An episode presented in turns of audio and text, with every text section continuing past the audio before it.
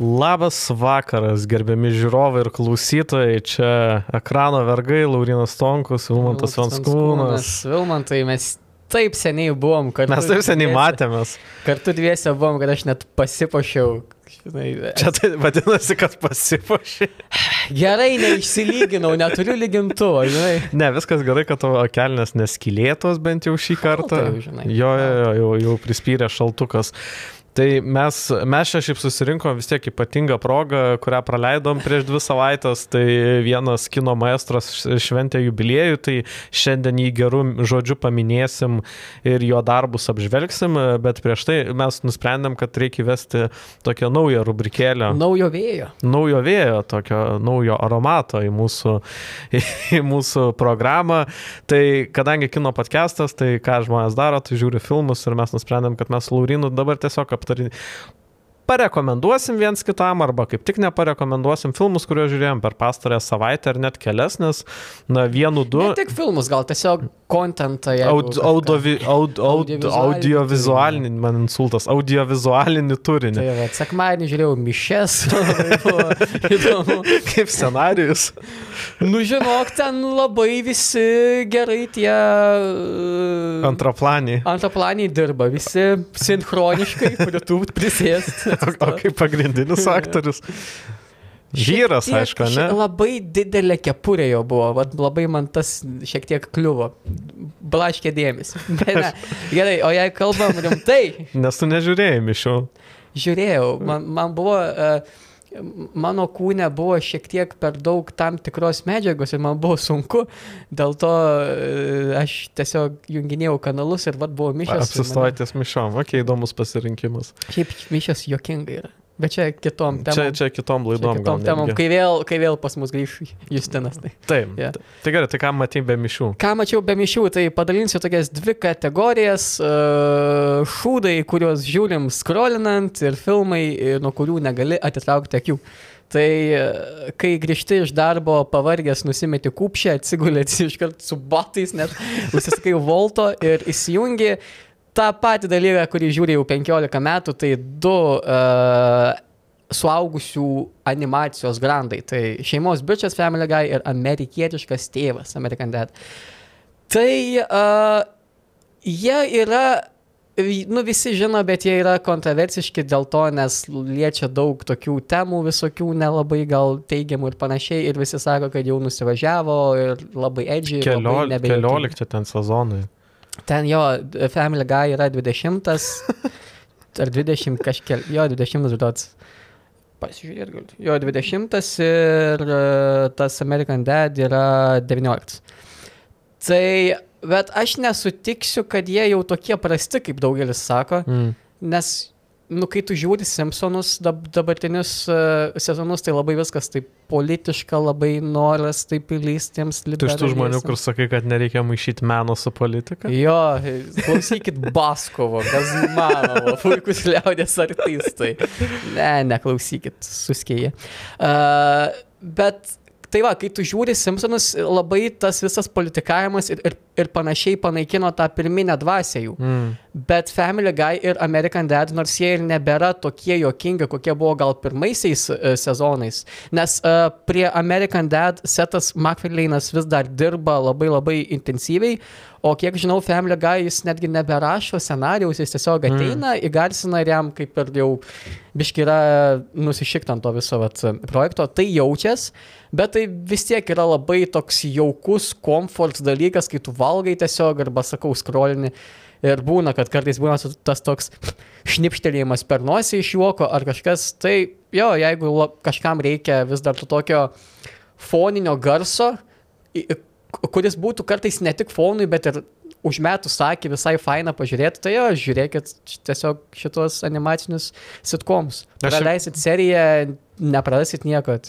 Ne, nes aš esu bandęs, nu, bet jau seniai bandęs žiūrėti juos, man kažkaip manęs neužkabino, bet aš kaip suprantu, vis tiek Family Guy labiau pasisekimą turi. Nu, jis toks jo. labiau ikoninis negu American jo, Dad. Bet dabar vat, labai matosi, kad Setas Ma mm. uh, McFarlane'as paliko Family Guy ir jis yra susikontratavęs ties American Dad, nes American Dad tikrai turi geresnį humorą. Daug geresnį dabar. O grįžtant, o, o vat, kadangi kartais noriu ir kažkokios rimties, Tai žiūrėjau pastarąją savaitę du ganėtinai rimtus filmus. Tai japonų režisieriaus Ryusuke Hamaguchi, Drive My Car. Tai pernai jis buvo nominuotas Oscarui už geriausią užsienio filmą, užjūrės filmą. Užžiūrės. Uh, tai scenarius toks, kad tiesiog uh, aktorius ir režisierius neteko žmonos savo uh, ir po, po poros metų jam tiesiog dėdė pasiūlė pa, uh, padirbėti su juo, padėti uh, režisuoti kažką ten. Ir jam nusamdė vairuotoją, moterį, su tokiu raudonu, senu, senu, pliam, sabas ar setas ten. Nu, aš ne mašinistas. Na, čia detalės, kažkas, Va, čia šita mašina. Ir tiesiog e, didžioji dalis filmo yra, kaip jie uh, važinėja tiesiog ir kalbasi. Ir uh, labai išaiškėja vienas kito paslapčių, daug asmeniškumų. Tai toks filmas, kur tu tiesiog žiūri ir net pamiršti, kad žiūri filmą, tiesiog labai įsitrauki tuos pokalbius jų, randi pats daug asmeniškumų savyje. Tai jo, čia daug pasakoti irgi apie tokį filmą nelabai papasakosi. Tai tiesiog pažiūrėti reikia, nes tikrai labai verčia ir į save pasižiūrėti ir, tas, ir ta visa japonų kino, apsitai Azijos kino estetika tokia yra tokia raminanti, sūtink, nes aziečiai kine labai mėgsta ekstremus. Jeigu, Mm. jie, jeigu jie varo, varo siaubą, jie pušina iki galo, ten iš karto apsis, apsisisiojęs sėdėsi. Jeigu jie nori kažkokį pompastišką filmą, tai ten bus uh, Akiros Kurasavos armijos 20 tūkstančių karių, o jeigu jie vat, nori tokio uh, ramaus psichologinio filmo, kur tiesiog uh, pokalbis jie irgi tave tiesiog užliuliuos, įtrauks ir tai va, o kitas filmas yra... Aš va tik tai prie Drive My Car, šiaip aš nematęs, bet, nu, kaip sakyti, esu įsirašęs į tą sąrašiuką, kuriuos norėčiau pažiūrėti. Tai jo, jisai, nes aš pagalvojau, tu sakei, laimėjo tą geriausią užjūrio kategoriją, bet... Nelaimėjo, nominuotas buvo. Ne, jis laimėjo. Mamma mija. Jo, bet jis buvo nominuotas geriausiam filmui, geriausiam režisieriui ir geriausiam A. adaptuotam scenariui. Tai Va. irgi, nu, parodo, šiaip tai parodo tą, žinai, tendenciją, kuri po parazito, man atrodo, ateina, Jo. kad, na, jau netaip spjauna Hollywoodas į užsieninius filmus, ta prasme, nepalieka jiem tik tų, žinai, nišinių kategorijų, kaip tas geriausias uh, tarptautinis filmas, bet, uh, nu jo, parazitas taip sulaužė tų barjerų. Tai- labai džiugu dėl to, nes, nu, sakau, aziečiai yra man visiškas, visiškas uh, atradimas kine ir, nu, žiauriai fainai, kad uh, čia, čia, čia vat mes pakalbėsim apie vieno tam tikro režisieriaus nuomonę, kad uh, Hollywoodas dabar yra didelis še. Tai vat Azijos, kaip mes galim pavadinti, Azilvudas. Azilvudas, ne. Azilvudas. Azijos kinas. Azijos kinas labai dabar duoda, duoda tiesiog į kaulus Hollywoodui tikrai. Ir antras, tai nėra filmas filmas, tai yra toks kaip ir dokumentinis. Tai neseniai išėjo Netflix'e Jonas Hillas, dokumentinis Stats. Tai apie jo psichologą, Filą Statsą. Jis jau turi ket- 40 metų darbo patirtį ir yra labai daug žvaigždžių konsultavęs. Ir tai tiesiog toks kaip ir v pusantros valandos jų toks pokalbis nespalvotai viskas ir tiesiog matai, matai didelę tokią terapijos uh, sensą, kur ne tiek ir John, Johną Hillą pamatai, ne tiek patį tą, tą filą, bet šiaip uh, pamatai, dėl ko yra svarbu ir dėl ko gal nereikėtų bijot labai, labai terapijos. Ypač gal labai padės vyrams būtent apsispręsti, uh, nueit. Uh, nes ten buvo vienas toks, toks palyginimas, nu, kad čia yra psichologija yra kaip tiesiog sporto klubą nueiti. Mm. Tau tiesiog reikia kartais, kartais prisitampyti. Nu, nes ne tik reikia sveiko kūno, reikia proto, proto e, sveiko. Aš pats einu į terapiją, tai man šiek tiek Filas, Filas Tatsas priminė mano, mano psichologą, nes jisai labai fainai, fainai daro, kad ne tiek kapstos po tavo tiesiog praeitį, o labiau dabartyje žaidžia. Nes, nu, jeigu man šiandien liūdna, man dėl kažko liūdna, kas šiandien buvo, Mm. ne kas buvo prieš penkis metus. Tai jo, tikrai siūlau, siūlau pažiūrėti, galbūt ir tiems, kurie eina į terapiją, kad, kad, kad galbūt palygintų savo patirtį ir kad nuspręstų, ar jie pasirinko tinkamą, tinkamą psichologą ar ne. Ir tiems, kurie galbūt bijo ir nu, nori pamatyti, kad tai nėra kažkoks, kur tave sėdi ir tardo. Tai tavęs nemylėjau, močia. Ne, viskas fainai, ten yra pokalbis. Psichologija yra podcastas. Čia yra, mes dabar turime su Vilmatu psichologiją, bet mes kalbam apie filmus. Tai va, mano būtų tokie du, du variantai ir du multikai. Jo, čia labai toks net tam pabaigos tokia labai rimtinoje ir dabar aš taip labai nesolidžiai atrodysiu, sakydamas, kad... E, This summer. realiai jo, realiai jo, tik tai e, šį rudenį. Tai, nu, kino teatruose vis dar sukasi ir, e, ir prieš keletą savaičių aš mačiau juodąją panterą Vakanda amžiams, tai kartu ir pažiūrėjau ir pirmąją dalį. Na, ką žinai, galėčiau pilnai vertinti, tai pats, pats matys juodąją panterą. Jo, aš tau, aš tau sakiau. Na, jo, ga, jo, gali būti, aš dabar. Kad, jo, manęs, nu, nu, jis buvo, jisai turėjo tą visą Marvel pompastiką, tą mm -hmm. piu, piu, piu, piu. Bet, ne. Jo, tai aš pažiūrėjau Juodąją panterą ir Juodąją panterą, am, Juodąją panterą Vakanda amžiams, kurią dabar rodo kino teatruose. Tai apie Juodąją panterą, šiaip tai uh, yra du dalykai. Kaip Marvel filmas. Žiūrėk, tai... aš, aš aš užpypinsiu šitą, kad niekam neįspoilint, bet kas yra nauja, e, nauja juodoji pantera? E, Gerai, viskas buvo užpypinta, bet oi kaip netikėta. jo, tai e, pirmiau apie pirmą filmą noriu pašnekėti, na šiaip tai, nu, jis vis tiek turėjo, žinai, milžinišką tokį garsą aplink save, labai daug žmonių kalbėjo ir šiaip tai, kad jis turi labai didelę kultūrinę reikšmę, tai yra. Aišku, ta prasme, Amerikoje ir ypač jo doodžių kultūrai, mums gal, mums tikrai yra tai sunku suvokti, nes mes nuo mažumės matome filmus, kuriuose pagrindiniai veikėjai yra baltodžiai, o dar dažniau baltodžiai vyrai. Tai dažnai reprezentacija mums niekada nebuvo problema. Jo, ypač uh, kupliuotas kalnas, labai gerai. čia, čia tavo reprezentacija, ne? Ne. Ne, ne, ne. Kas ten, kas ten spintoj slepias, papas, pasakyk. Babaužiukai. Babaužiukai. Ne, tai dėl tos kultūrinės reikšmės aš tikrai suvokiu labai, kokią jinai reikšmę turi įsivaizduoju, nu, e, ten kokiam aštuonmečiam, devinmečiam e, jodožiui berniukui, kuris pamato, kad blemba superherojus yra toks kaip aš arba kaip mano tėtis. Tai aš tą visą... Tai sakai, kad visi jodaodžiai vienodai atrodo ne, netrauk mano žodžių iš konteksto, nedaryk skandalo, tu užsislėpęs. jo, bet e, kodėl aš tai, apie tai kalbu, apie tą reikšmę, kad aš suprantu tą reikšmę, bet aš vis tiek net pažiūrėjęs tą filmą nesuprantu, kodėl jisai buvo nominuotas Oscarui. Tarsi jis buvo nominuotas Oscarui geriausio filmo kategorijoje. Čia yra pirmas Ar Marvel manai, filmas. Čia yra toks pat pritempimas, kaip buvo su DiCaprio filmu, kad jau tiesiog uh, pribrendo laikas duoti DiCaprio Oscarą, tai davė tiesiog už tą nu, vieną praščiausių mano galvo jo filmų ir čia va irgi buvo, kad nu, jau, jau uh, laikas šiek tiek parodyt, kad mes nesame akademijoje, Oskaruose rasistai, balti, seniai mm. ir laikas kažkam duoti tiesiog davė. Taip, pirmas dalykas, nesutinku, kad Hugh Glasso legenda yra vienas prašiausių DiCaprio filmų, bet... O kas, Don't, don't Look Up? don't Look Up. Žinai, bet, ne, bet gerai, čia kita diskusija kažkada gal gerai. apie DiCaprio. Matai, ką aš galvoju, kodėl buvo nominuotas. Tai vienas dalykas, tai, nu, negalvokim, kad Oscaruose tikrai yra nominuojami geriausi filmai, geriausi aktoriai arba kažkas, nu, kas yra gerai. Tai yra labai didelis biznis, kuris yra labai daug lobinimo. Ir... Ei, o Green Book išėjo anksčiau ar vėliau? Tai tais metais. Tais metais. Tais metais ir tais metais laimėjo. Jeigu aš nepameluosiu, aš dabar tikrai nenoriu pameluoti, aš tikrai patikrinsiu. Bet žodžiu, nomin...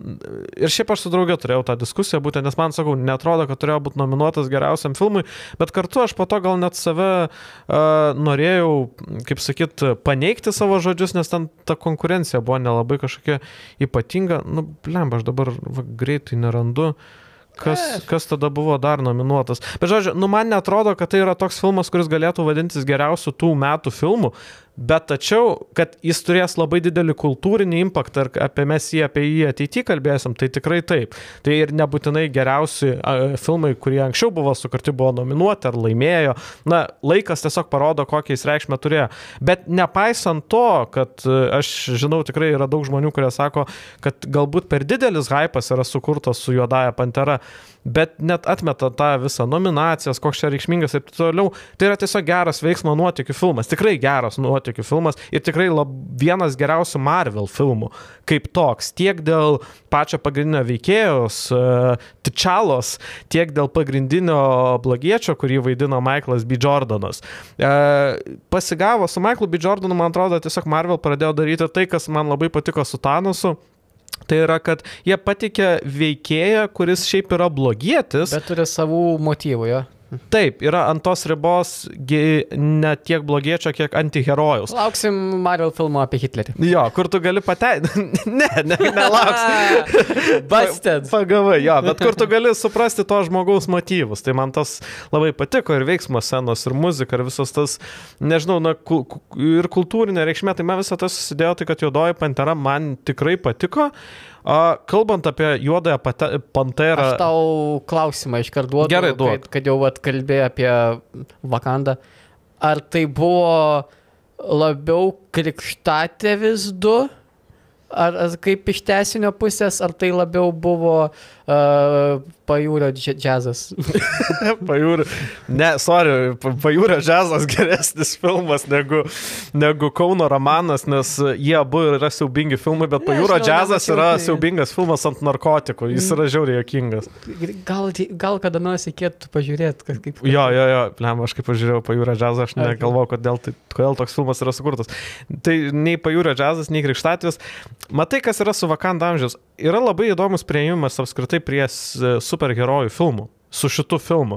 Aš mačiau e, tas pats Meinardas Valkevičius, kuris čia sėdėjo vietoje šito kvietko, e, minimaliai piktinosi e, Facebook'e, kad nu, jam netiek patiko tas filmas ir kad jau biški net superherojų žanras galbūt net išsi- išsigimsta ir taip toliau, nes uh, jo, nes Vakanda amžiaus, amžiams yra kitoks filmas. Tikrai kitoks negu Juodoji Pantera ir kitoks negu bet kuris tikriausiai Marvel filmas. Iš kurios pusės? Labai paprasta suvokti, nu, nes juodoji panteros tesinį mes neturim juodosios panteros. Nu, jeigu jūs pakmeniu gyvenot, Laurina žinau, kad negyveno, bet e, tiem, kas nežino, tai Čedvikas Bausmanas, e, tai yra Tičalos juodosios panteros aktorius, jisai mirė.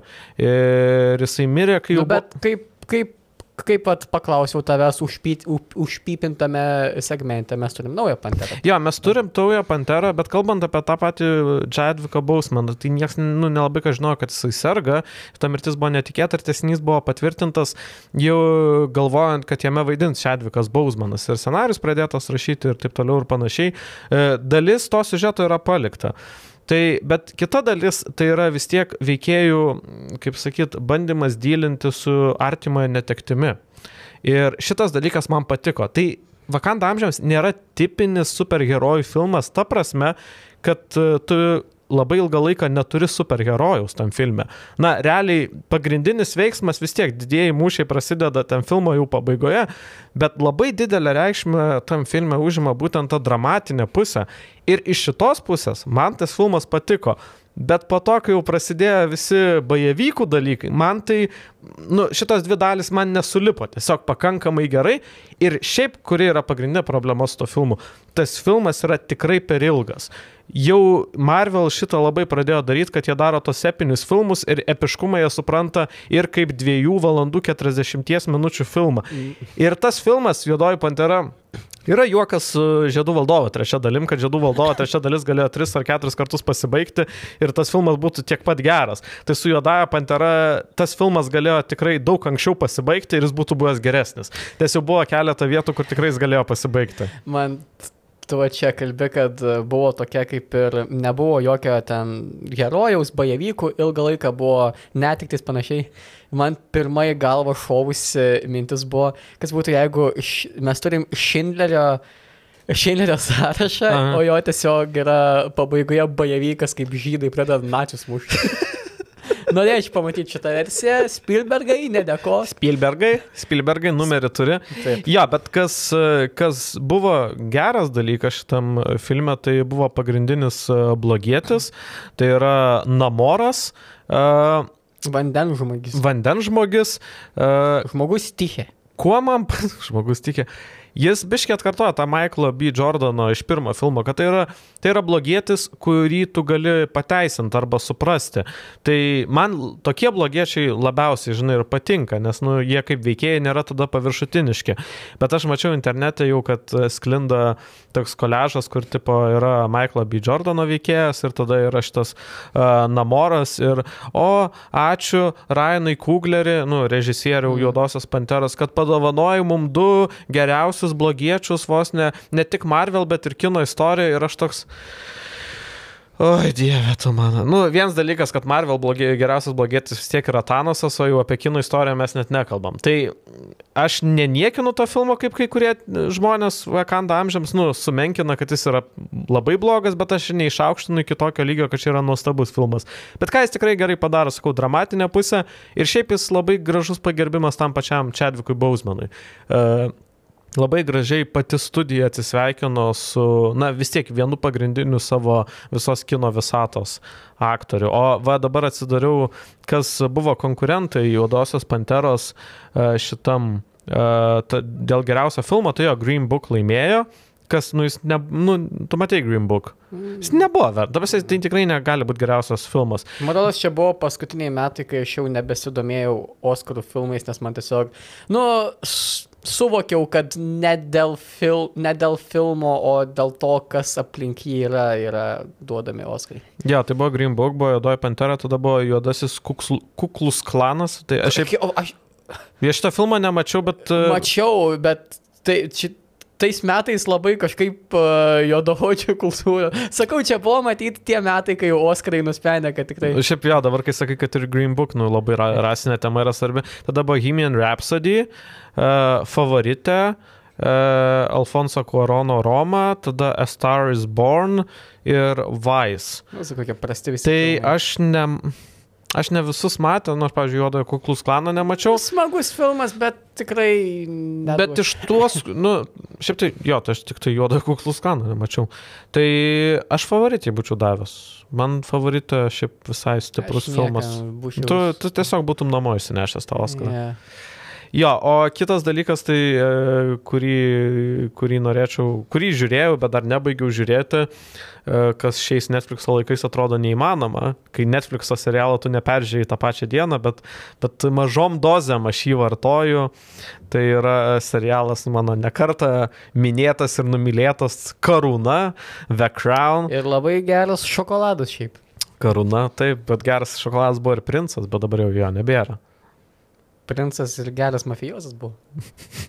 bet, ir, bet, ir geras muzikantas. Geras muzikantas. Jo, tai princas yra ir, ir penktajam Crown sezone, tai yra princas Šalzas, kartu ir princesė Diana, kartu ir karalienė.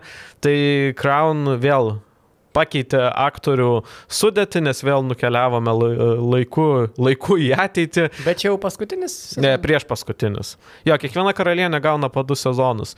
Tai gal šitas sezonas man yra silpnesnis negu prieš tai buvę, bet uh, kiekvieną kartą, žinai, pasikeičia aktoriai, galvoja, ar šitas aktorius, taip, nu, tau jis taip patiks, kaip prieš tai buvę, tai karalienė gerai, E, princas Filipas gerai, man šiek tiek princesė Diana tokia, gal vietomis atrodo labai gerai, o vietomis tokia, per daug. Labai tik tokia, mačiau daug e, lyginimų to jos garsiojo interviu.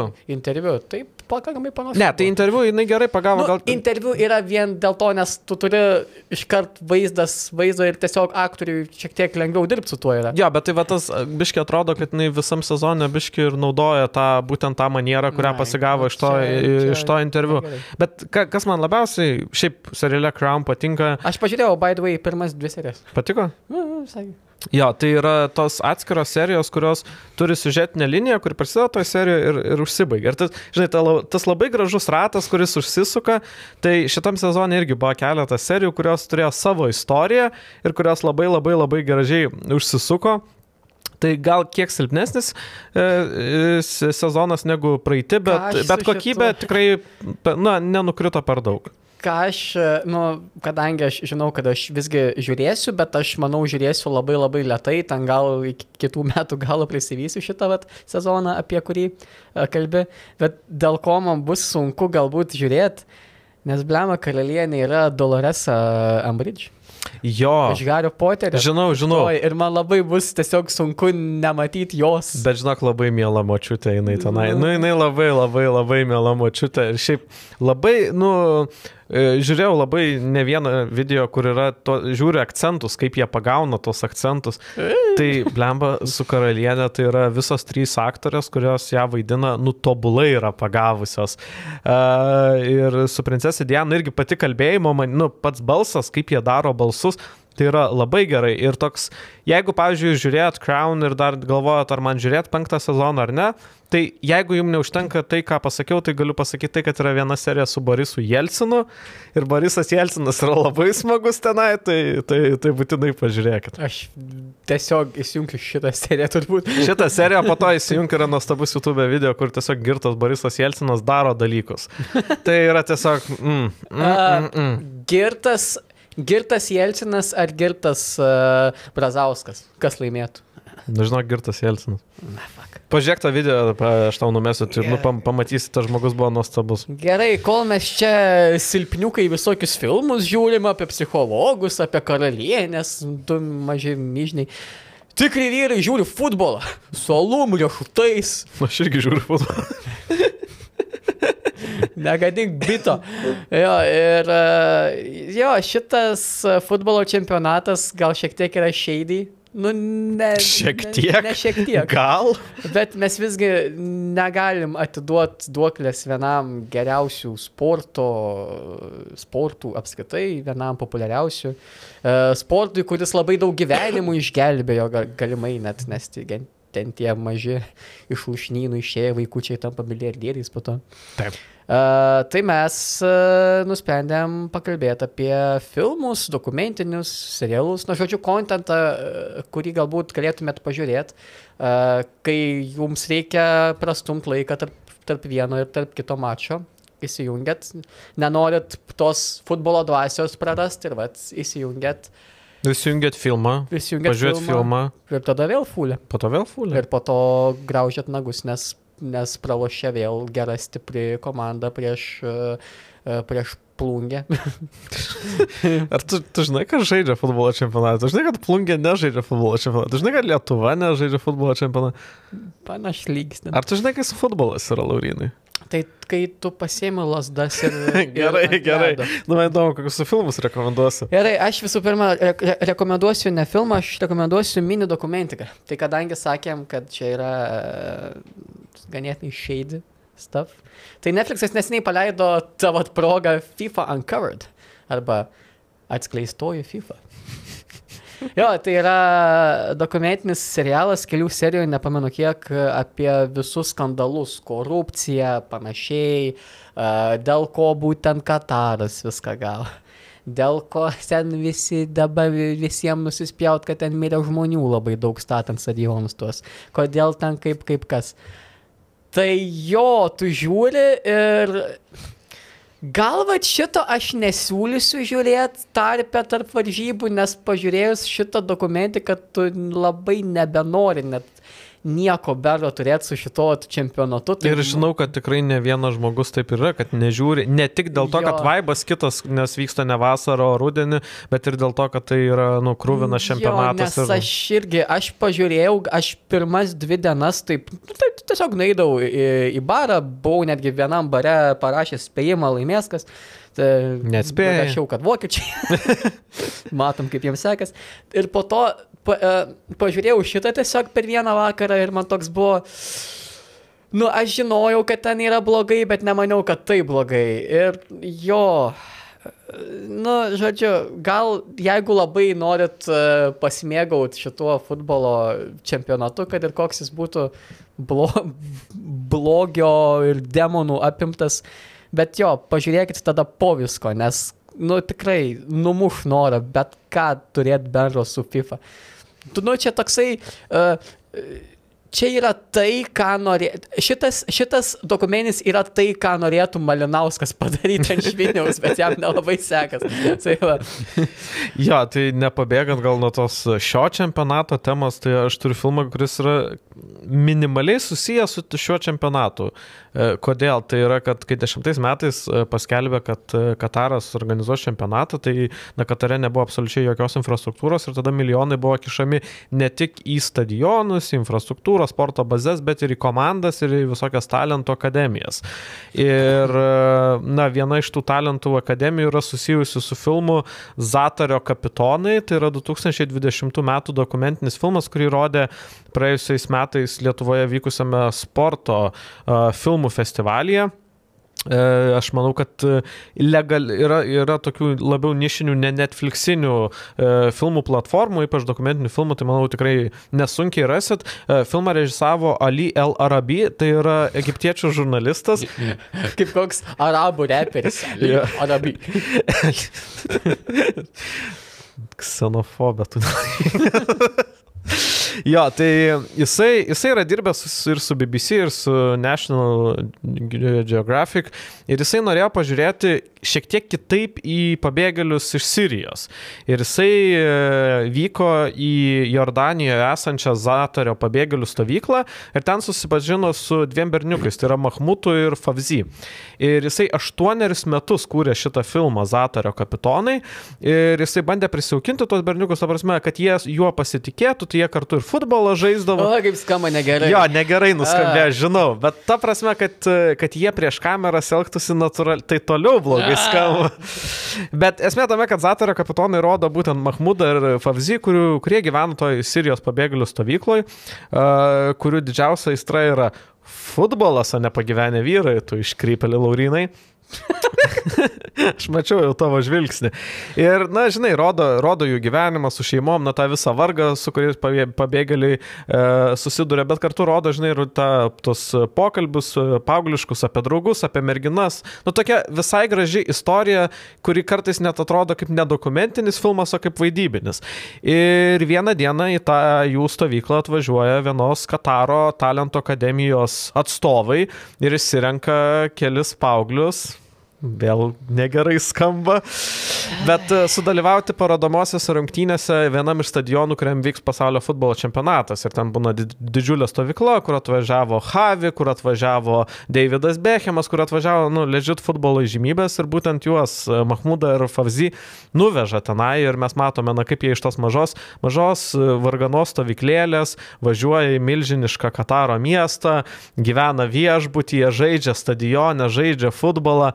Ir, nu, tokia, žinai, įkvepianti graži istorija. Iš, e, nei Favzi, nei Mahmudas netapo galiausiai futbolininkais. Na, mes dabar tai žinome, nes jau 8 metai, daugiau nei 8 metai prasidėjo, e, praėjo nuo jų paauglystės, bet e, jiem tas filmas tapo tramplinu, jie dabar važinėja po pasaulį ir kalba apie na, mm, Sirijos pabėgėlių problemas, su kokiam problemam jie susiduria. Ir labai yra gražus epizodas, kaip vyksta spaudos konferencija po tų varžybų, kaip jie žaidė tas parodomasias. Ir jie sako, mūsų svajonė šiandien įsipildė ne, ne tiek dėl to, kad mes galbūt va, tapsime futbolininkais, mes tikriausiai netapsime futbolininkais, bet mes darėm tai, kas mums patinka. Ir mums nereikėjo galvoti apie visas tos vargus, kuriuos palikome, na, Sirijoje, karas, maras, badas ir Aš taip toliau. kasdien jaučiuosi taip trečią ryto, ma, tiesiog Kaip- McDonald's sėdėdams. Oi, kaipgi, bet gerai, kad darau tai, kas man patinka.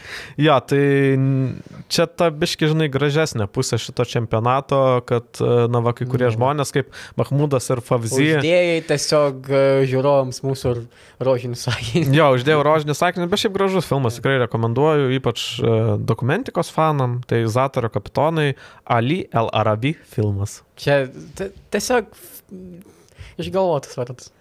Ne. Okay. ne. Aš prieš kitą savo pasirinkimą turiu du honorable mentions. Nuostabu. Man smagu, kad tu net nežinai, kaip žaidžiamas futbolas, bet, bet turi net du honorable mentions. Mergina vaikino kelnėse. Na, šitas-. Jeigu norite apie futbolą, vat, pamatyti sokerį. Jo. ne, čia ne, neturiu aš jok- jokių menšinų, aš šiaip tiesiog, e, tiesiog prisiminiau- šitą filmą. Prisiminiau du futbolo tematikos filmus, kurie, nu, nėra labai apie futbolą, bet tiesiog, nu, irgi jeigu, jeigu jausitės taip, kaip aš jaučiausi žiūrėdamas mišes šitie filmai su jais. Tai va. uh, Pala, pala, pala, pala, tai tu nori pasakyti, kad tu jautėsi taip pat žiūrėdamas mišes, kaip žmonės jausis žiūrėdami filmą, kurio pavadinimas yra Mergina vaikino kelnes. Jausis, jausis va taip, va tokie. Nu gerai, koks tavo antras pasirinkimas? Ir Anas šaolinio futbolas. Irgi labai gera. Jokinga komedija tiesiog. Stevenas Čiau, labai puikus vyras, režisavo, suvaidino viską ten. Punk, su, kamuoliais. Bum. Labai smagus filmai. O šiaip mano realus pasirinkimas yra tai filmas, kurį turbūt matė kiekvienas e, mūsų amžiaus e, berniukas, kai buvo mokykloje dar. Tai yra futbolo huliganai arba Green Street Hooligans. Leksio Aleksanderio, kas čia su tais vardais, Leksis Aleksandris, Ali Arabi. Du- 2005 metų drama, kurie aš tą filmą tiek seniai mačiau, kad aš pamiršau, kad ten vaidina Elijah Woodas. Elijah Woodas ir tas uh, Charles Hanamas. Mhm. Tikrai žinomi, žinomi uh, vardai, veidai ir, ir man šiandien buvo toks, kai aš dariau researchą, prisiminimą apie tą filmą, man buvo toks, okei. Okay. Tai jo, tiesiog iš Amerikos atvyksta Elijah Woodas ir, ir e, susipažįsta su savo uh, sesers vaikinu ir sesers vyru kurį vaidina, vaidina Charles Hanamas, ir jisai į, e, įtraukė jį į tą visą futbolo ultrų kultūrą, futbolo huliganų kultūrą. Tai čia realiai yra Fight Clubas, kovos klubas, bet apie fulę. Nu ir tai nėra geras filmas šiaip. Jis toks. Nu, jis tikrai ne, neturi kažko tokio labai kokybiško, bet tai yra tas filmas, kurį manau, kad verta pamatyti ir jis toks, nu, ne visi geri filmai tampa kulto klasikomis, bet čia toks yra tų, vat, uh, purvinų britiškų filmų, tokia kulto klasika, kai tu nori pamatyti tą tokį uh, uh, nuo septynių iki š- penkių dirbantį Britą su alaus pinta, fish and chips, kuris be dviejų priekinių dantų pabučiuoja savo žmoną Susan ir išeina žiūrėti savo kaimo futbolo varžybų ir po to nukš tiesiog. Labai smagus filmas šiaip. Labai blogas filmas, bet labai smagus. Jis nėra blogas, jis nėra geras, jis nėra blogas, bet čia, toks- žinai, gal rekomendacija ta prasme, kad pamatyt, kaip, kaip galbūt veikia futbolo ultros, Jo. arba, nu, aš tikiu, kad tikrai netiksliai ten yra atvaizduota futbolo ultrų Manau, kultūra, bet bent jau paliesti tą tą, nežinau, tą paviršių. Ir, nu, ir ten vis tiek yra apie tikrus futbolo klubus, Jo. tai West Ham United, man atrodo, jie, jie palaikė. Berots jo. Ne, e, Milvolas ten buvo kažkoks dar. Tai buvo, kad Milvolas, nes Milvolas ir West Ham United yra mirtini priešai, nu, Jo, tipo jo. Žalgeris rytas ir, ir man atrodo, kad e, šitie palaikė West Ham United. Ir šiaip labai yra gerai, nes nu tavęs neįmeta tas filmas į tą visą kultūrą, taip lik tu jau turėtum žinotis, kad e, tu viską matai per uh, Elijah's Woodo ten akis. E, veikėjo akimis, nu ir tu su juo sus- susipažįsti su ta visa kultūra. Tai fainai iš tos pusės, kad tau iš karto nereik žinot, vad, mes skanduojam tai, dėl to neskanduojam. Ne, tau paaiškina, kodėl mes skanduojam tai, dėl ko mes skanduojam. Ne, ir ten visai geras tas, kad jie tikras tas skanduotės į- įkorporavo į muzikinį takelį ir čia toks gavas skanduočių. Jo, muzikinis takelis. Nes tos skanduotės yra pagal, padarytos pagal žinomas dainas. Vat ką jie turi, ką šitas filmas turi visgi, visgi gero, tai yra muzikinis takelis, tas toks pusiau punkas, pusiau folkas toks, nu žodžiu. Tai va, iš manęs tiek paspaudžiau netyčia, ai čia ne Leksis Aleksandris, čia Leksi Aleksander, čia moteris yra. Tai jinai yra sukūrus uh, šitą filmą ir po to panišerį. Tai, nu, nepasisekė jos karjerai. Su visą pagarbą. Gerai, bet Su ne apie tai mes. Koks tavo kitas pasirinkimas? Jo, nu tai mano paskutinis pasirinkimas. Ar tu dar turi? Neturiu. Tai ir gerai. Nu, mano tai yra geras filmas. Nu, jau kitų, reko... man patinka, kad tu rekomendavai filmą, kur pasakai, šiaip, šiaip tai čia blogs filmas.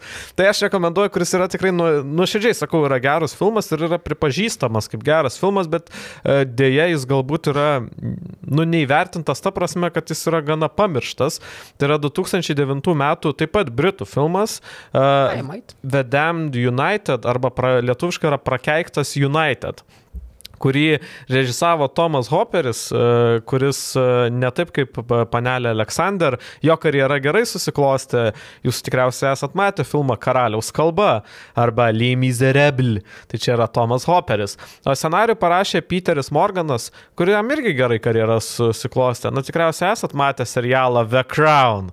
Oh, Oh, jo, jo, tai filmas yra, šiaip tai yra labai įdomus dalykas, tai kad tai yra pagal knygą, kuri pateikė fikcinę versiją įvykių, kurie vyko. Tikriausiai taip nieks nevyko, bet yra knyga, kuri, na, įsivaizdavo, ar, ar tai, kad taip galėjo vykti ir pasako apie vieną geriausią visų laikų Anglijos futbolo trenerių Brianą Klogą kurį vaidina Michaelas Šynas. Ir esmė tame, kad jisai, jisai treniravo mažo, e, mažo miestelio komandą, Derby County, ir jisai turėjo labai tokią, nu, konkurenciją ir tokį šiek tiek ir nepykantą vienam didžiausių tų laikų futbolo klubų Anglijos, tai yra Leeds United. Ir taip susiklosto aplinkybės, kad jisai tampa Leeds United treneriu.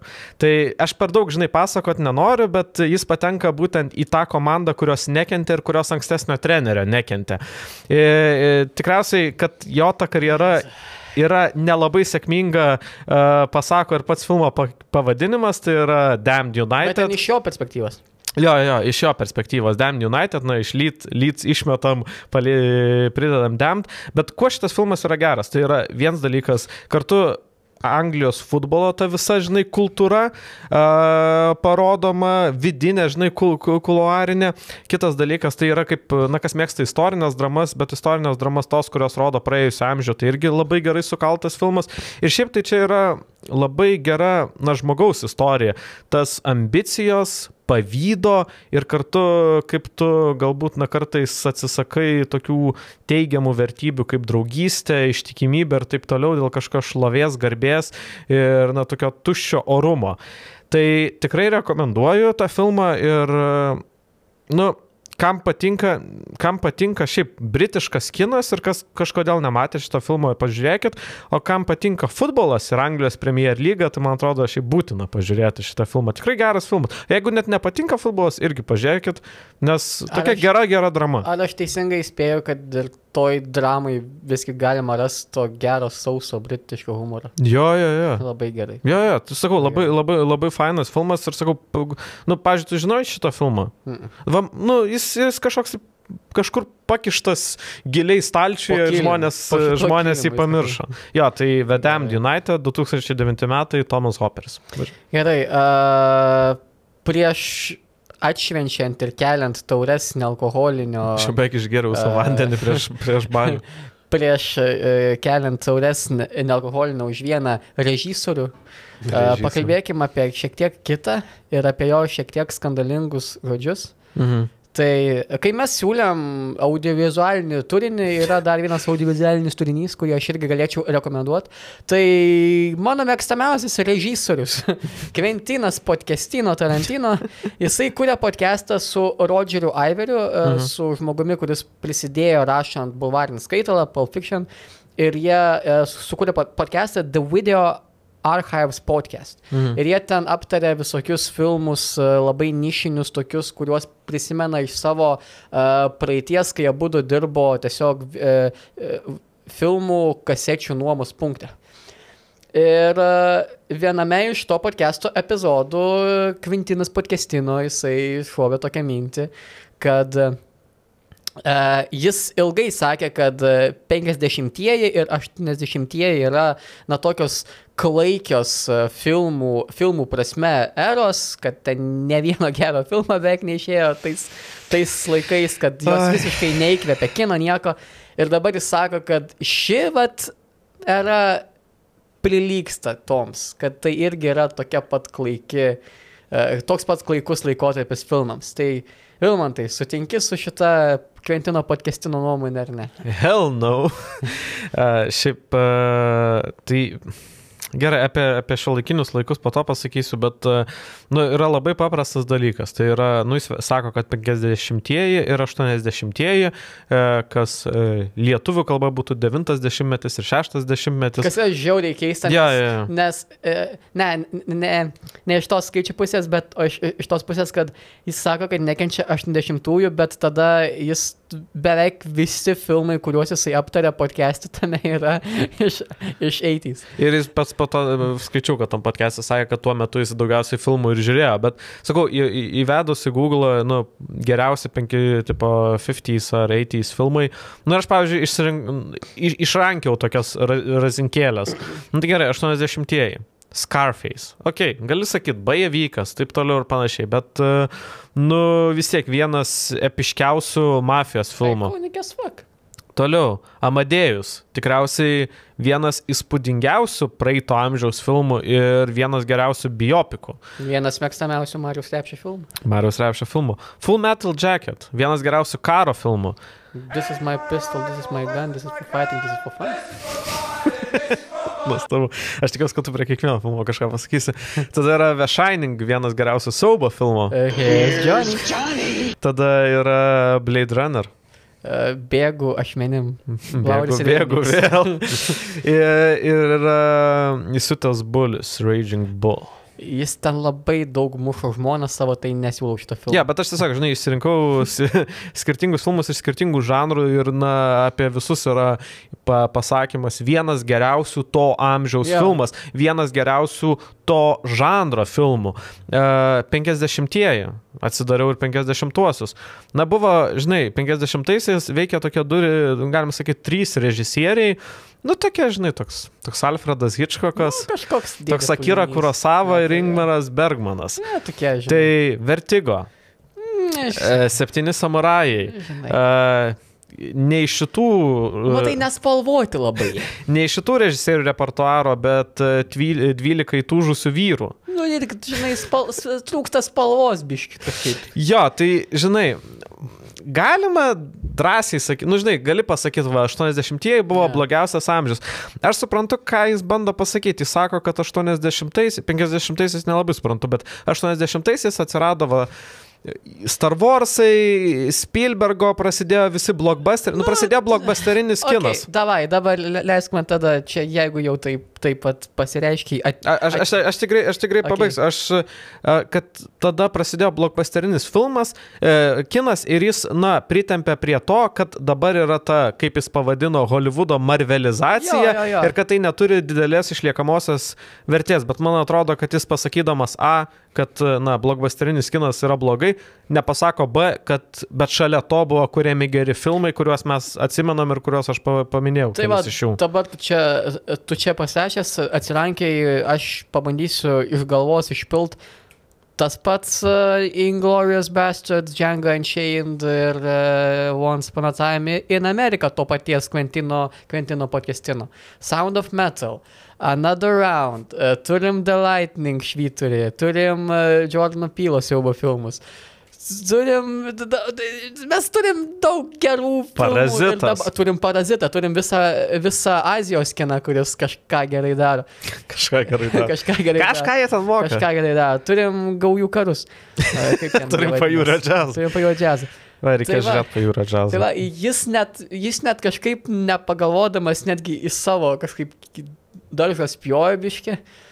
Ir nu jo, sutinku, kad tos franšizės dabar, kurios gal nėra įtin ten originalios ir gal šiek tiek jau nu, įsisėmusios, pabodusios, bet nu galim daug pastebėti ir gerą kiną. Matai, ką man atrodo, jis neužakcentavo, kas šiaip apie ką mes ir kalbam ir apie ką mes ir čia kalbėjom ne vieną kartą. Sequelai, prequelai, ribūtai, mm. pribūtai, pribūtai. Nu, tipo, yra tas dalykas, kad e, ta mašina tapo mašina turiu omeny filmų gaminimo mašina, tapo labai jau ta mašiniška, kad va čia mes, nu va Marvel, susidėliojo jau grafiką, kada kokį filmą išleis ir va jūs žiūrėkit, nu toks labai atsirado tas, žinai, mechaniškumas kine, bet kartu, kaip tu ir sakai, kas man kas man atrodo labai skleidžiasi, tai, pavyzdžiui, toks autorinis, tarp autorinio ir pramoginio e, tų laukų laviruojantis siaubo kinas. Tas pats Jordanas Pylas, mm. tas pats Arijas Teras. Šiaip tas pats Jonas Trukanas. Tas pats Jonas Trukanas. Da, šiaip e, galim sakyti, kad Hollywoodo marvelizacija, kaip tai įvardyje Tarantino, šiaip pagimdė studiją A24.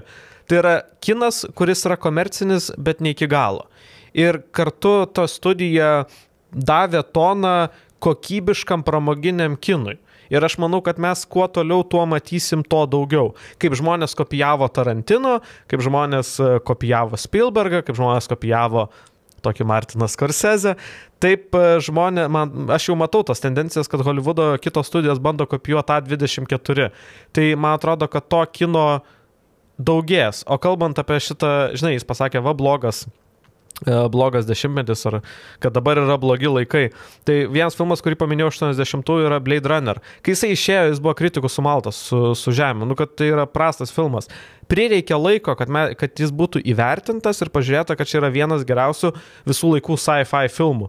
Man atrodo, kad pasakyti, kad dabar yra vienas blogiausių laikotarpių kinui, mes galėsim nebent po 10 ar 20 metų, kai matysim tą visą visumą ir pagalvosim, okei, okay, tai padarė kažkokią įtaką ar ne.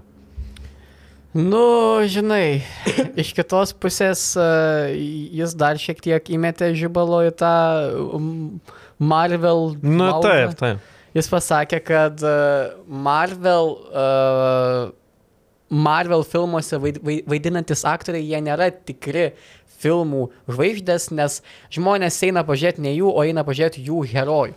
Kad niekas nelaukia, o, naujas filmas su ten Krisu, Krisu Hemsvartu, kad, o būna, o, naujas Toro filmas. Na, matai, kad Krisas Hemsvartas e, karjerą stabdo. Kodėl? Jam e, pagal jo genetiką yra nustatyta, kad, e, žodžiu, jo šeima Alzheimeris yra labai, nu, tikėtinas ir jis pasidarė ten tyrimus, kad jam gali būti, kad ateityje bus Alzheimeris, nu, labai tikėtina. Bet ateityje, kodėl dabar reikia? E, kad daugiau laiko praleistų su šeima. Čia toks lyrinis nukrypimas. Jėzus, sugadinai. sugadinai podcastą. Nuliūdinai dabar vis. Verkia dabar motulė. Verkia motulė, tinginio valgo. okay.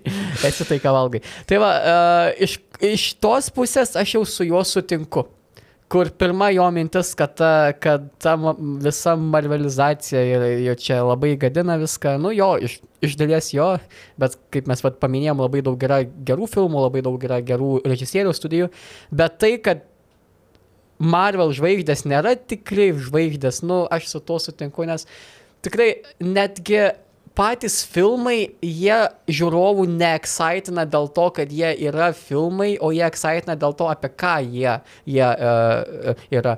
Nes, tarkim, išėjo ten koks annonsas, va, tarkim, tas biuletenio ten traukinio, nu, žiūri, o čia yra žudikai, traukinys greitas, čia bus kažkas labai wow ten. Ir tu eini žiūrėti, ieškoti kažko, kas ten gali būti. Išeina ten koks e, kitas e, All Quiet on a Western Front, o, o čia bus vokiškas filmas apie pirmąjį pasaulinį karą, tu eini iš tos pusės ieškoti. O kai tu uh, tiesiog žiūri Marvel filmą, tu net nebesigilini apie ką tas filmas bus, koks jo bus plotas, tiesiog žiūri, o veikėjai Marvel, gerai, nueisiu, turėtų būti smagu. Man, man atrodo, žinai, ką, gal jis iš kitos pusės pasakė, kad nu, mes matydami Krisą Evansą, tai jis sako, kad ne Krisas Evansas yra žvaigždė, o kapitonas Amerika. Ir aš, vėlgi, aš paprieštarausiu Kventinui. Nes e, Robertas Daunis jaunesnysis iki Marvel visos visatos, jis buvo nusivažiavęs, ta prasme dėl savo ten asmeninio gyvenimo, asmeninių paklydimų jis buvo nusivažiavęs, bet ir jo karjera buvo nu, nugrimzdusi žemyn. Ir Marvel ją pakėlė, bet, e, nes, na, nu, geležinis žmogus ir taip toliau, bet po to ta karjera taip įsisuko, kad e, nu, jis nėra tik Iron Manas, jis yra tiesiog... Sherlockas Holmesas. Jis yra Sherlockas Holmesas, jis yra kino žvaigždė.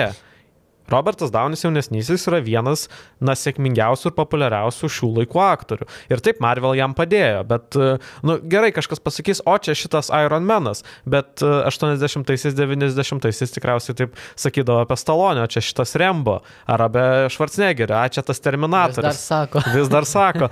tai taip, kai kurie veikėjai yra labai, žinai, sulipinti su savo aktoriais ir tie aktoriai be tų veikėjų kaip ir nieko neturi, bet iš kitos pusės, man atrodo, kaip tik Marvel padėjo tiem aktoriam tapti superžvaigždėm ir turėti savo asmeninės Na, nu, karjeras. aišku, čia ir iš paties aktoriaus. Nu, Taip, mes taip, taip. turėjom Robertą Pattinsoną, visi manėm, kad jis mirs kaip Edvardas Kalenas iš Saulėdžio. Ne, jis yra vienas geriausių šio vat dešimtmečio aktorių. Mes turim Danielį Danielį Radcliffe. Ralfą, kurį visi mane, kad tiesiog Ha- Haris Poteris bus. Nu, jis kūrė labai Nu, jis keista, jis tiesiog keista. keistus filmus, kurie, bet nu jie geri yra, tikrai jo vaidmenys yra išskirtiniai. Tai jo, nu, tiesiog Kventinas dabar, jisai yra atsipūtęs, jis, jis uh, tiesiog daug kalba. Ir... Bet žinai, kas yra, man atrodo, kodėl jis bet, nu, dabar bet ką gali šnekėti. Ir šiaip, kodėl, kodėl jis laisvo laiko turi, jam liko vieną filmą padaryti. Jo, jis jis- pats pasakė, kad bus dešimt filmų ir, ir, Jo. ir viso gero. Ir dabar liko tas paskutinis. O tų visokių idėjų jis turėjęs yra daug. Jaučiu ten stalčių scenarijų, jis turi daug. Jogi jis turi prisidėti prie žvaigždžių karų, ar žvaigždžių kelio. Žvaigždžių kelio, bet, čia, bet, šitą, bet šitą jis jau atmetė. Jis yra kažką pasirašęs ir apie mini serialą, nes jis sakė, kad filmai bus 10, bet jis gali prie kitų projektų dirbti pagal savo panetkis. Aš tai galvoju, kad žinai, jis po to prie knygų perės, nes kai buvo... Jo, su... jisai dabar išleido nesiniai knygą apie kažkokį apie filmų rašymą. Beras. Bet yra išleidęs ir novelę kartą Holivude, filmo novelę su papildomais dar uh, siužeto vingiais. Yeah. Tai man atrodo, kad uh, jis tiesiog sėdės ir rašys knygas. Jo, tai, bet vat, jisai pas Howardą Sterną radijoje pasakė gerą mintį apie jau mūsų finalinę temą, apie Martiną Scorsese. Jis, ji- ji- nes Martinas Scorsese irgi labai peikia tą visą Marvel filmus panašiai. Tai jisai pasakė, nu jo, jam neturi patikti, jam yra 80 metų. Tai, nu, manau, kad ir nu, pats Kventinas nėra jauniausias jau. Tai, nu, Jo, jis pats, e, aš skaičiau vieną intervą, kuris pasakė, kai aš buvau vaikas, tai man labai patiko Marvel komiksai. Nu, tai aš labai eidavau, tai sako, jeigu man būtų 20 metų, aš labai džiaugčiausi tais filmais, bet sako, dėl Dievo meilės man yra 60. Nu, manęs jie nejaudina. Nu tai va, nu, aš irgi nesiklausau sveikinimo koncerto, bet aš nu, nesiklausau ir ten visų tų treperių, reperių. Aš klausau savo muzikos, ir, ir, nu, bet aš neziziu dėl to, kad, o, SoundCloud šūdas, SoundCloudas yra tra, trapefilizikuotas. Pau. Gerai. Uh, lapkričio 17 ši, vienas uh, geriausių Hollywoodo antakiai, Martinas Karsezė, šventė savo 80-metį. Jo. Tai yra žmogus, kuris, uh, na, galima sakyti, jo, krikštatėvis yra geriausi filmai apie mafiją. Apie mafiją ten ikoniški, bet visgi tą žanrą mafijos filmų, nu, užaugino, subrandino ir tuo pačiu užbaigė yra Martinas Čarlzas Scorsese. Kur šiaip tai yra įdomus tas dalykas, kad jis yra 19 filmų padaręs, e, apie mafiją yra gal tik tai 4 ar 5. Bet visi sako, kad jis mafijos tėvas. Yra. Jo. Čia kaip su Paulium, Paulium Abrazevičium, jį visi vadino komedijos tėvu, bet komedijos nedaug padarė. Būja, deginom tiltus. Jokaujugi, raustai čia. Gerai. Uh, Laurinas turi savo tiesiog e, programą. Tai va, šiek tiek gal papasakokim, šiek tiek faktelių apie jį, iš vis, ką mes manom apie jį, ką jis sulibdė mūsų sielos ir širdutėse. Ir po to galėsim, aišku, visų jo filmų gal neaptarsim, bet tiesiog Tai man sudėliosim, atrodo jo, ne. su, su, sudėliosim tuos svarbiausius filmus į tam tikras kategorijas, į tam tikrus stalčiukus. Jo, Tai ką tau reiškia Martinas Korsė? ką man reiškia Martinas Korsezė? Nu šiaip, žinai, pradžioje, kai pradedi galvoti, jo, pirmas ateina ta mintis, žinai, mafija, e, smurtas, e, žiaurumai ir taip toliau, bet po to aš pagalvoju, šiaip tai pas jį visi veikėjai, nu, tose pagrindinėse filmuose tokie yra dažniausiai, nu, vyrai, bet e, problemiški, problemiški irgi tokie, tu, problemiški tuščiagarbiai, mm. ieškantis laimės. Ir man atrodo, kodėl surezonuoja su daugeliu žmonių, nes, na, mes kiekvienas iš mūsų tikriausiai, vienas dalykas norim būti laimingas, e, kitas dalykas, kai kurie iš mūsų norit būti žinomi. Bet, na, svarbiausia, to, žinai, laimės paieškos ir dažniausiai laimės paieškos ir mūsų moralė kartais yra ant to lygio, ar mes galim elgtis blogai, bet būti laimingi. Tai daugelis skorsezės veikėjų elgesi blogai, nes nori būti laimingi, garsus, talentingi, turtingi ir taip toliau. Ir aš pagalvoju, kad tas tipažas e, seka per kiekvieną jo filmą. Nu, ne kiekvieną, bet daugelį jo filmų. Bet jis kiekvieną kartą yra skirtingas. Dėl to, man atrodo, tai yra priežastis, dėl ko skorsezė vis dar yra relevantiškas. Prasme, kodėl vis dar jo filmas yra toks, kokį tu norėtum pamatyti. Na, nes tikrai yra ne vienas filmų kino kurie, na, pavyzdžiui, tas pats Woody Allenas. Na, aišku, prie to prisideda ir tai, kad jis yra susituokęs su savo įdukra ir galimai prievartavo savo dukrą, bet kitas dalykas yra, kad jo filmų nenori žiūrėti dėl to, kad, na, jie paseno. Mm. Pats Woody Allenas mm. kaip kuriejas automatiškai paseno, nes jis automatiškai paseno kaip žmogus. Tai Martinas Scorsese nepaseno. Kaip tik net galima sakyti, kad jis kūrė brandžiai. Jis kaip vynas, jis bręsta. Jis, jis žiauriai gerai, žiauriai gerai bręsta. Jisai ima panašias temas, bet jas pateikia kitaip ir iš kitokio matymo kampo, nu, nes natūraliai, kai žmonės sensta, tai žmonės į tą pačią temą žiūri skirtingai. Tai, pavyzdžiui, ta pati, na, tikėjimo tema pas Martinas Scorsese yra labai daugelį filmų bet na, yra visiškai skirtingas prieimas prie e, tikėjimo e, filme The Last Temptation of Christ, e, kuris yra ten pasmerktas ir uždrau, Bulgarijoje uždraustas vis dar ir dėl kurio rodymų kai kuriuose kino teatruose net buvo rengiami teroristiniai išpoliai, paliekami ten nuodingos medžiagos ir taip toliau. Ant kiek, na, šitas filmas buvo šokiruojantis ir taip toliau, nes Jėzus ten užsiminėja fitimyti su Marija Magdalietė.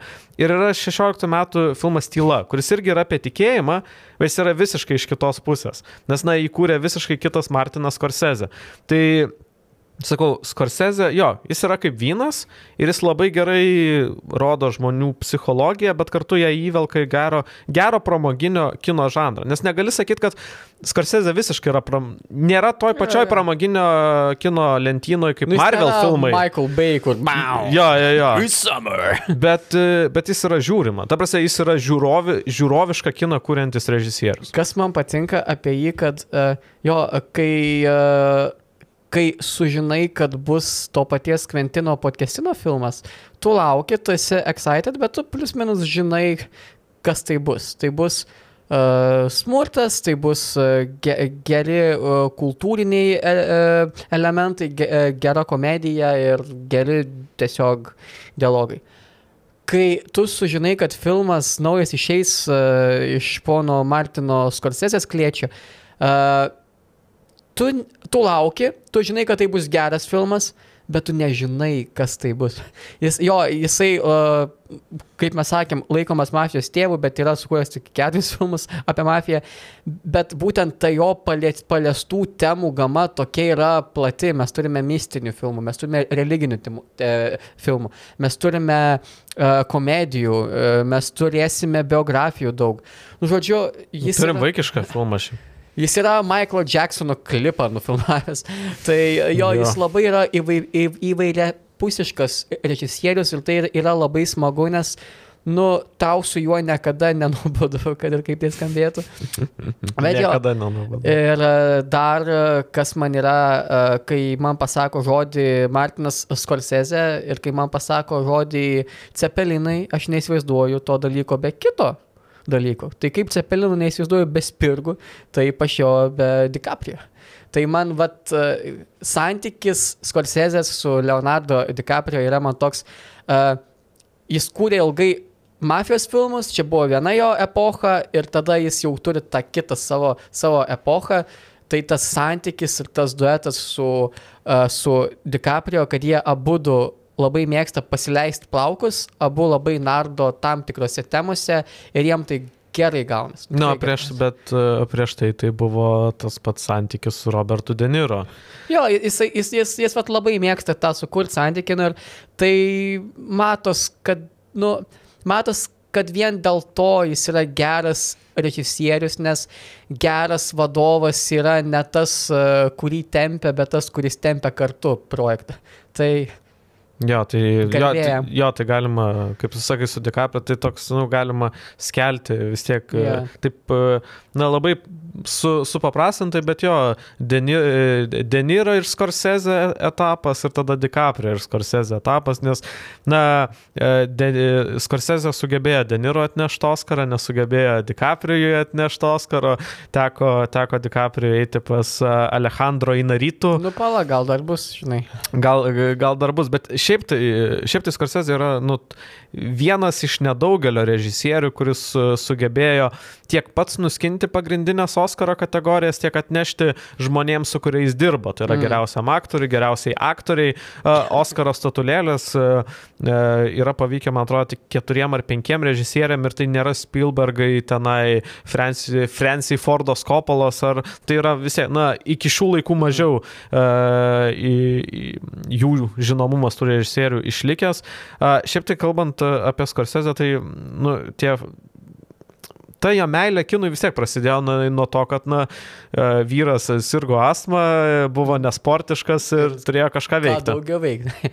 Nu, galėjo tapti kunigu, pasirodo. Šiaip man čia buvo netikėtas dalykas, kuris kažkiek paaiškino to jo meilę, na, ne meilę, bet tą religijos svarbą jo kūryboje. Tai, jo. Šiaip keista, kad jis e, sirgo, sirgo astmą ir jį, ir jį tiesiog tėvai vesdavosi į kino, į kino teatrus, kur belia kiek dulkių yra. Kuris jaučia, jaučia sėdėdavo e, salėje. jo, įdomus pasirinkimas toks. Bet jo, jisai jau e, labai anksti gimė ta jo meilė kinui ir jau būdamas 11 metų jisai sukūrė, e, sukūrė filmą Sukūrė. apie, apie Romos imperiją, Eternal City. Tai jis tiesiog e, padarė savo savo rankom nupiešė visą tą storyboardą, ten pirmosios, pirmosios scenos ir jis vis dar iki šiol uh, piešia juos, kaip ir Emilis Vėlyvis. uh, Jo. tai gal kada nors irgi surinks kokią knygelę ir uh, turėsime kolekciją Scorsesės storyboardų. Ja, šiaip ta, ta meilė kinui tai rodo ir tai, kad e, šiaip Martinas Korsezė yra, na, taip, pa, pasižymėjęs kino ne tik režisierius, bet ir kino puoselėtojas ir saugotojas, tai ta meilė kinui išvirto į jo fondą, kuris įgelbsti tiesiog tuos senus filmus. Mhm. Ir jis ten yra ke, kelis tūkstančius, man atrodo, ar kelis šimtus filmų išgelbėjęs. Jo, Dabar aš jo. statistikos nepateiksiu, bet būtent... Nu, jis toks horderis filmų, bet ge, tokia gerąją prasme. Jo, nes tai vis tiek e, dauguma tų filmų, kuriuos jis saugo, tai būtent yra tie filmai, kuriuos jisai matė vaikystėje ir kurie, na, nebuvo suskaitmeninti ir būtų tiesiog sutrūnyję, sudulyję e, ir būtų dingę, tai jisai juos išgelbėjo ir šiaip tai ta... Na, tikriausiai yra tos kelios meilės uh, Scorsesės, kurios atsispindi per visą jo gyvenimą, tai meilė kinui, uh, nu, negali sakyti meilė Dievui, bet apskritai religijos svarba ir, ir Italijai. New Yorkas, aš New York- sakyčiau New jo, Yorkas. New Yorko italų, italų kvartalai. Nes uh, tas pats taksi vairuotojas Jo. yeah. uh, tiesiog, uh, na, New Yorkas Scorsese myli ne tik švarų ir gražų, kokį galbūt bandė pateikti uh, filme New York, New York, iš kurio na, po platų į pasaulį pasklido ta Franko Sinatros daina, kuri mane šiaip labai biesina, nu labai erzina, bet, na, labai žmonių daugeliu patinka. Tai jis ten rodė gražų New Yorką, taksi vairuotojų, taksistą, jis įrodė tą purviną. Dušman. Duš, dušman, Robert De Niro. Tai jis rodė tą, tą purviną, piktą New Yorką, kuris atspindėjo ir tų laikų Ameriką. E, New Yorko gaujuose jis rodė na, to miesto svarbą. Na, realiai istorinę mm. svarbą ir, ir kokie, na, skirtingi siužetai, net realiam gyvenime, tiesiog realaus gyvenimo siužetai vyko tame mieste. Tai, ja, Šiaip jau, aš esu pasijungęs dabar visą jo filmų biblioteką, ką jis įsukūręs yra.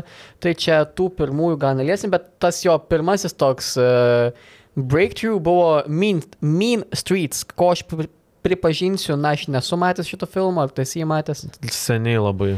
Tai va, gal mes jo ir labai neaptarsim. Ne, nu, ta, prasme, ten atsispindi, vis, Jo, ten, nu, ten, čia ten jisai- yra Harvey Čia buvo, Keitelis. čia buvo ta jo vat, pradžia, pirmas žingsnis į tą purviną, mafiozišką New Yorko italiukščių filmų visą žanrą. Jo, ir yra tie būtent tie, tie ilgi kadrai.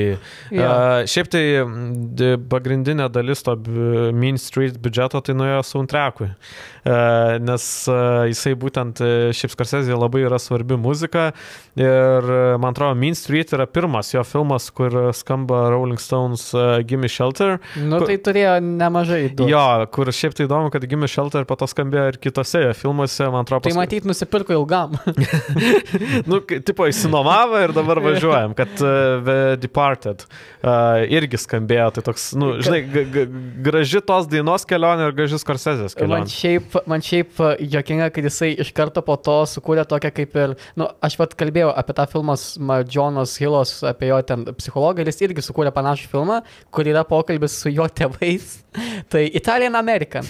Tai e, irgi aš šitą filmą pažiūrėjau gal prieš metus kokius. Nu, įdomu stebėti tiesiog kaip čia toks kaip vos ne uh, kino mokyklos projektas, bet mm. labai toks intimus ganėtinai, tai tikrai rekomenduoju šitą. Jo, okay, aš to nematau. Šiaip, nu, Skorsezė mėgsta savo tėvus uh, ki- kišti filmus. Ja. Bet vad ką mes tikrai abu esame matę, tai tas jo kitas didelis filmas buvo būtent Taxi Dušman. Dušman. Tai va čia, ats- čia jau pilnai atsiskleidžia tas visas New Yorko purvas, kaip tu sakėjai, ir tie visi vidiniai demonai. Ir e, irgi čia, čia man yra filmas, e, kur e, labai pilnai susilieja tos visos mūsų aptartos meilės, nes yra ir religinė ta tematika, kuri nėra akivaizdžiai parodyta, bet ta kova su vidiniais demonais ir ieškojimas savęs pateisimo panašiai, na tai vis tiek yra labai e, religijoje kaps- kapstinėjimas temos, yra tas New Yorkas ir yra būtent e, meilė kinui e, apskritai tuose jo ilgose šotuose, kaip jis daro visus filmavimo kampus panašiai. Ir šiaip politinė korupcija, va dabar tai labai atsikartoja ir Airija, The Irishman, nu, Mm. vienam naujausių jo filmų, tai ta, toksiorė, irgi ta politinė korupcija, tas nepasitikėjimas politikais, uh, irgi yra ta viena iš temų, kuri po to, na, tęsiasi ir kitose jo filmuose, tam pačiam uh, aviatoriuje, su, su tuo mm. pačiu DiCaprio. Tai jo, va dabar tiesiog kilo tas, kad ne tik religija ir meilė New Yorkui, bet ir toks, aš nežinau, nu, toks kreivas žvilgsnis į politikus yra iš, iš, iš pono Martino savo jo filmuose. Matyt, kažką jam padarė ten, žinai. Na tai vagiai. Šiaip, kur, kur vat, statytum šitą filmą? Ar čia jo vienas geriausių tavo manimų, ar toks tiesiog per vidurį kažkur? Nu, matai. Ai, aš žinai, aš, žinai, gal nenorėčiau ten e, to, to, topuot, bet, Jo, jo, bet, bet, bet sakyčiau, nu vis tiek yra tokie, čia gal, galiu ir praeit, nu, esminiai, man atrodo, jo karjeros filmai, tai būtent yra Mean Streets, kurie e, šitas filmas kaip ir davė tą impulsą jam ir tai yra tos, tas, tas, ta plona pirma Bet man, knyga. Matai, man čia yra kaip su Nirvana buvo, jie išleido pirmąjį savo, savo albumą Bleach ir, ir jo, jisai buvo roko visoje community žinomas, ž- geras, bet antras uh, Nevermind jau davė tą postumį, yeah. tą visą populiarią ku- kultūrą. Tai man irgi Mean Streets gal toks labiau filmų mylėtojų, snobų jau žinomas, bet manau, kad Dušmanas pilnai jau atvežė į tą prie raudono kilimo panašiai, kur aš manau, kad būtent tai buvo tas toks pirmasis pamatas, kuris pilnai padarė Skorsezę Skorsezę, o ne tiesiog, ai, va čia kažkoks čiūvas sukūrė filmą, pažiūrėkim tą filmą. Na, okei, okay, bet e, tada aš keliaučiau, tai aš e, tokį kaip, e, nu, be, nu galim sakyti, visi jo filmai geri, bet jeigu tokius bullet pointus, tai tada yra Raging Bull. Raging Bull. Jo, įsitos bulius, tai yra vienas dalykas, nu, parodymas, kaip Skorsezė moka dirbti su biopiku, kitas dalykas, kaip, na, stilistiškai tas filmas yra, jis yra nespalvotas, nors jis yra 80-ųjų metų, bet, na, būtent tas nespalvotumas yra dar vienas pagrindinis aktorius tame filme. Na, net nespalvotumas, bet, na, ta visa stilistika, nu, labai perdoda ir to pagrindinio Roberto Deniro vaidinamo veikėjo tą visą kovą tiek, tiek tiesioginę ringę, tiek, tiek gyvenime, tada aš žinok, keliaučiau toli, toli, nors, pavyzdžiui, The Last Temptation of Christ, man atrodo, yra vienas iš tų filmų, kuris yra pamirštas, bet pamirštas būtent dėl savo tokio radikalumo, tai yra Manau, kad Goodfellas. Čia reikėtų jau atskiro ep, e, epizodo mums ap, aptart būtent šitą vat, filmą, nes nu, jis toks, nu, savotiškas. David, Davidas Būvis tam vaidino Poncijų pilotą, tai apie Tai- ką mes kalbam. tai va, čia jau reikėtų gal pakalbėsime, kada. Ja, bet tada aš dėčiau Goodfellas, Jo. yra tas vis tiek, e, Apie, apie Goodfellas mes jau- jo, jo, jo. tai čia E, neapsistosim. Tada, nu, ne, man atrodo, va, kazino, gaz, kazino yra tiesiog Goodfellas toks kaip ir atkartoja, nu, ne tai, kad geras filmas, bet vis tiek Goodfellas yra toks aukštesnis taškas ir aš tada eičiau iki uh, The Departed. The Departed. Tai tu praskipini iš didžiųjų dabar tame tarpe, matau Gangs of New York ir... Jo, Aviator. nes man Gangs of New York, e, man, nu, man Cameron Diaz labai ten, e, ten trukdo. Jo. De, Danielis Deiluisas daro Danielį Deiluisą, nes šiaip tai jisai mokėsi, ta prasme, jis ėmė patarimų iš profesionalių mėsininkų, nes jis taip daro, nes jis yra metodinis aktorius. Tai ten yra labai stiprus jo vaidmuo, bet e, pats filmas man yra šiek tiek silpnesnis, bet Departed yra e, vienas iš tų atvejų, kai e, Scorsese jau būdamas senas parodė, kad aš vis dar turiu. Aš kelnėse dar nesenelis, kaip sakė vieno Roberto Deniro filmo pavadinimas. Ir tada aš jau keliaučiau iki The Wolf of Wall Street. Mm. Ir ta... Praskipinu iš Shutter Island. Jo, nes Shutter Island, man atrodo, yra labai geras pramoginis filmas, bet jis nėra kažkoks esmingas Okay, okay, okay. kino istorijoje, tai tada yra Wall Street'o vilkas ir tada aš dėčiau Irishmaną. Jis yra, jis yra, galima taip sakyti, blogiausias. Praskipinai tylą. Tyla jo, bet e, tyla, sakau, čia yra, čia galbūt, e, e, nu apie tylą sakiau, apie jo religinę, bet The Irishman yra blogiausias Scorsese'ės mafijos filmas, bet kartu tai yra vis tiek mano nuomonė vienas geriausių pastarųjų metų apskritai filmų ir labai gražus tas ką mes ir aptarėme epizode apie mafijos filmus, labai gražus toks epilogas Jo. apskritai mafijos žanrui. Aš prie tavęs neprikipsiu prie nieko, tik tai galiu pasakyti nebent, kad Shutter Island uh, jis nėra Scorsese'ės filmas. Nu, kai tu kalbi apie filmus, tu, tarkim, Pulp Fiction, o, Tarantino filmas, uh, Zero, o, Vėlyvo filmas. Mm. Shutter, Shutter Island yra labiau DiCaprio filmas negu Scorsese'ės filmas. Okay. Jis ten tiek daug eksperimentavo, kad labai, vat, labai vat, nukrypo nuo tos savo pagrindinės vizijos ir nėra to jo prieskonio būtent skolsesiško tiek daug. Kaip, aš jo pagyriau jį, kad jisai labai gerai moka, moka nustebinti, bet man va tame filme geras, puikus e, filmas, bet man pritrūko to skolsesiškumo. Bet, ta prasme, nu, vis tiek tai yra geras filmas. Nu, kaip ir tas pats Gangs of New York, jeigu ignoruoji Cameron Diaz, tai yra geras filmas. Tai yra, Nu, jinai atėjo iš porno, e, kai aš, kai aš montavau filmą, turbūt... e, kai tu, kurį tu, ką, kokį tu filmą Ne filmą, epizodą, kur aš, e, kur, kur aš savęs klausiau pats, ar iš tiesų Cameron Diaz atėjo iš, iš porno, tai jo, visgi yra. Ja, tai, Tai va. tai visi tie filmai, žinai. Žinai, gerai, bet tu pra vieną labai svarbų filmą e, praleidai. Nu, Gončiarovą. Končarova? Gončiarovą. A, Gončarova. Gončiarovą. Tai Jo. va, Pabaigai mes pasilikom desertą, aš visiškai nežinau nieko apie šitą filmą ir, Vil, ir, ir Vilmantas supažindins tiek mane, tiek ir jūs, trumpai, glaustai, who the fuck is Gončiarova. Jo, šiaip tai man, man pačiam, nu, buvo toks, nežinau, pagavo mane Gončarovas, kas yra, nes aš galvoju, nu, blem, nu, žinai, tu tas korsezė, nu, okei, okay, tu galbūt ne, ta, ne visi jo filmai yra įsiminę, bet, blem, nu, filmas, kuriame yra Deniro, Pacino, Harvey Keitelis, nu, tikrai turėjai žinoti tą filmą. Tai Pradėkim nuo Domo ir Jėvos, bet greitai ir ateisim, nes ši istorija yra trumpa. Tai 2020 m. rūpjūtį pasirodė toks nuotrauka su batu, ant kurio etiketė buvo ir ant kurio buvo pa, parašyta Gončarov, Gončiarova. e, kurį režisavo Martinas ir ten tokie kringeliai. Ir tiesiog e, tapo meme, kad, meme, kad e, ar tu matei šitą filmą, čiagi Scorsesės filmas Gončarovas. Ir e, po to ta, tas memas šiek tiek, e, kaip sakyt, transformavosi į fake chatą, kur buvo parašyta, kad, e, šitas idiotas nežino, kas yra Gončarovas. Ir šitas memas taip du, dviejus metus taip gyveno savo gyvenimą, kažkur miegojo žiemos miegu, kol šių metų lapkritį tiesiog įsprogo, kai vienas, e, vie- vienas, e, vienas dailininkas padarė Gončiarovo e, plakatą, Tada. įdėjo į, į Tumblrą ir tiesiog žmonės, nu žodžiu, fanai pasileido plaukus ir tiesiog pradėjo dėti visokias ale siužeto detalės iš Gončiarovo. Tai iškart sakau, Gončiarovas nėra realus filmas, bet, bet žmonės yra sudėję, apie ką tas filmas galėtų Nu, tai būti. Ką, Vilmantai, tas E, filmas? Galiu pasakyti, dar yra ir muzikinis takelis, Jėzus. net ir jau, jau mėnesis, tik praėjo, mažiau nei mėnesis, jau yra erotinis Gončiarovo fanfiction, nors pats Gončiarovas yra gana erotinis filmas. Internete Tai va. tu nuostabus. Jo, tai, tu, tai pagal šitą mitinį visą dalyką, tai Gončiarovas turėjo pasirodyti 1973 metais.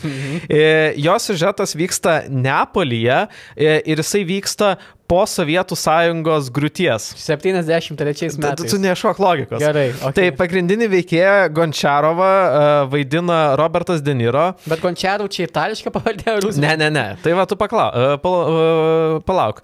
Tai šiaip jis yra italas, jis yra Lo Staniero, bet jo, kaip sakyt, kličkė yra Gončiarovas ir jis yra Rusijos smogikas ku- ir buvęs diskotekos uh, savininkas. Ir jisai po Sovietų sąjungos grūties grįžta į Neapolį, nu, iš kurio yra originaliai kilęs. Jisai grįžta su savo žmona Katė. E, jo, ir... Kiek tame filme būtų blogų rusiškų akcentų, aš nenoriu įsivaizduoti. Jo, jisai, jisai grįžta su Kate ir tada yra toks dalykas, kad yra toksai veikėjas Andrėjus, kurį, vaidin, kurį vaidino, na sakykime taip, Harvey Keitelis. Ir kartu, na, pagal Gončiarovo siužetą, tai Gončiarovas ir Andrėjus turi homoerotinių santykių. Bet e, homoerotinių santykių turi ne tik Andrėjus ir Katė, bet e, turi ir... Ne, Andrėjus ir Katė, Andrėjus ir Gončiaras. Andrėjas ir Gončiarovas, bet Gončiarovas taip pat turi meilužę Sofiją, kurią vaidina Sofija Loren. Ku, kuri turi romaną su Kate. Tai realiai yra Gončiarovas su Kate, Gončiarovas su Sofija, Gončiarovas su Andrėjum, Sofija su Kate. Žodžiu, yra labai daug mylužių. Ir taip pat yra e, kitas veikėjas, tai yra Džono, e, Džono Kazelo, e, daugeliu žinoma kaip Fredas iš Krikštatėvio vaidinamas. Tai reiškia, šitas filmas būtų gavęs Oscarą. Tai tikrai, jo, nes Nes visi Kazelo filmai gavo Oscars. Tai yra Josephas Ice Pick Joe Morelis, kuris yra serijinis žudikas, uh, kuris žudo būtent su tuo Ice ir Picku. Jo. Ir, na, tai čia yra tik tokios Vau, nuotrupos. Filmas, aš noriu pamatyti. Jo, bet e, kalbama, kad šitas filmas yra pa- pa- paliečia ir na, psichologinės traumas, ir vaikystės traumas, ir visus kitus dalykus. Tai yra labai įspūdingas filmas. Ir šiaip tai Skorsezės e, dukra tik tokia paklausė Martino, e, va, žmonės šneka apie Gončiarovą ir sako, žinau, o tu žinai, kas yra Gončiarovas? Taip, tai yra filmas, kurį aš padariau.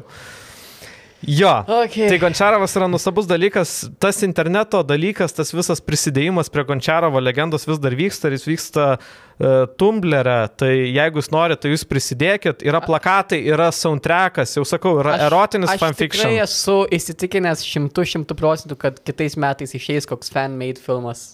Jo, čia yra to plakato, nu vis tiek, kaip sakyt, tas apibūdinimas, kas yra Gončiarovas, tai yra geriausias visų laikų mafijos filmas. Nuostabu. Ir, ne, nu, čia yra toks dalykas, kur, nu, aš išgirdęs apie Gončiarovą pagalvoju, bet gal iš tikro buvo toks filmas. Tai čia yra, žinai, tas Mandelos efektas, kai tu galvoji, kad Mandela mirė kažkur 90-aisiais, nors iš tikrųjų jis mirė 2010-aisiais. Okay. Ta, ta fake atmintis, tai Gončiarovas, Geriausias Martinos Kalsėdės filmas. geriausias Tai. visų laikų filmas. Su gimtadieniu Marčiau sukūrė šedevrą.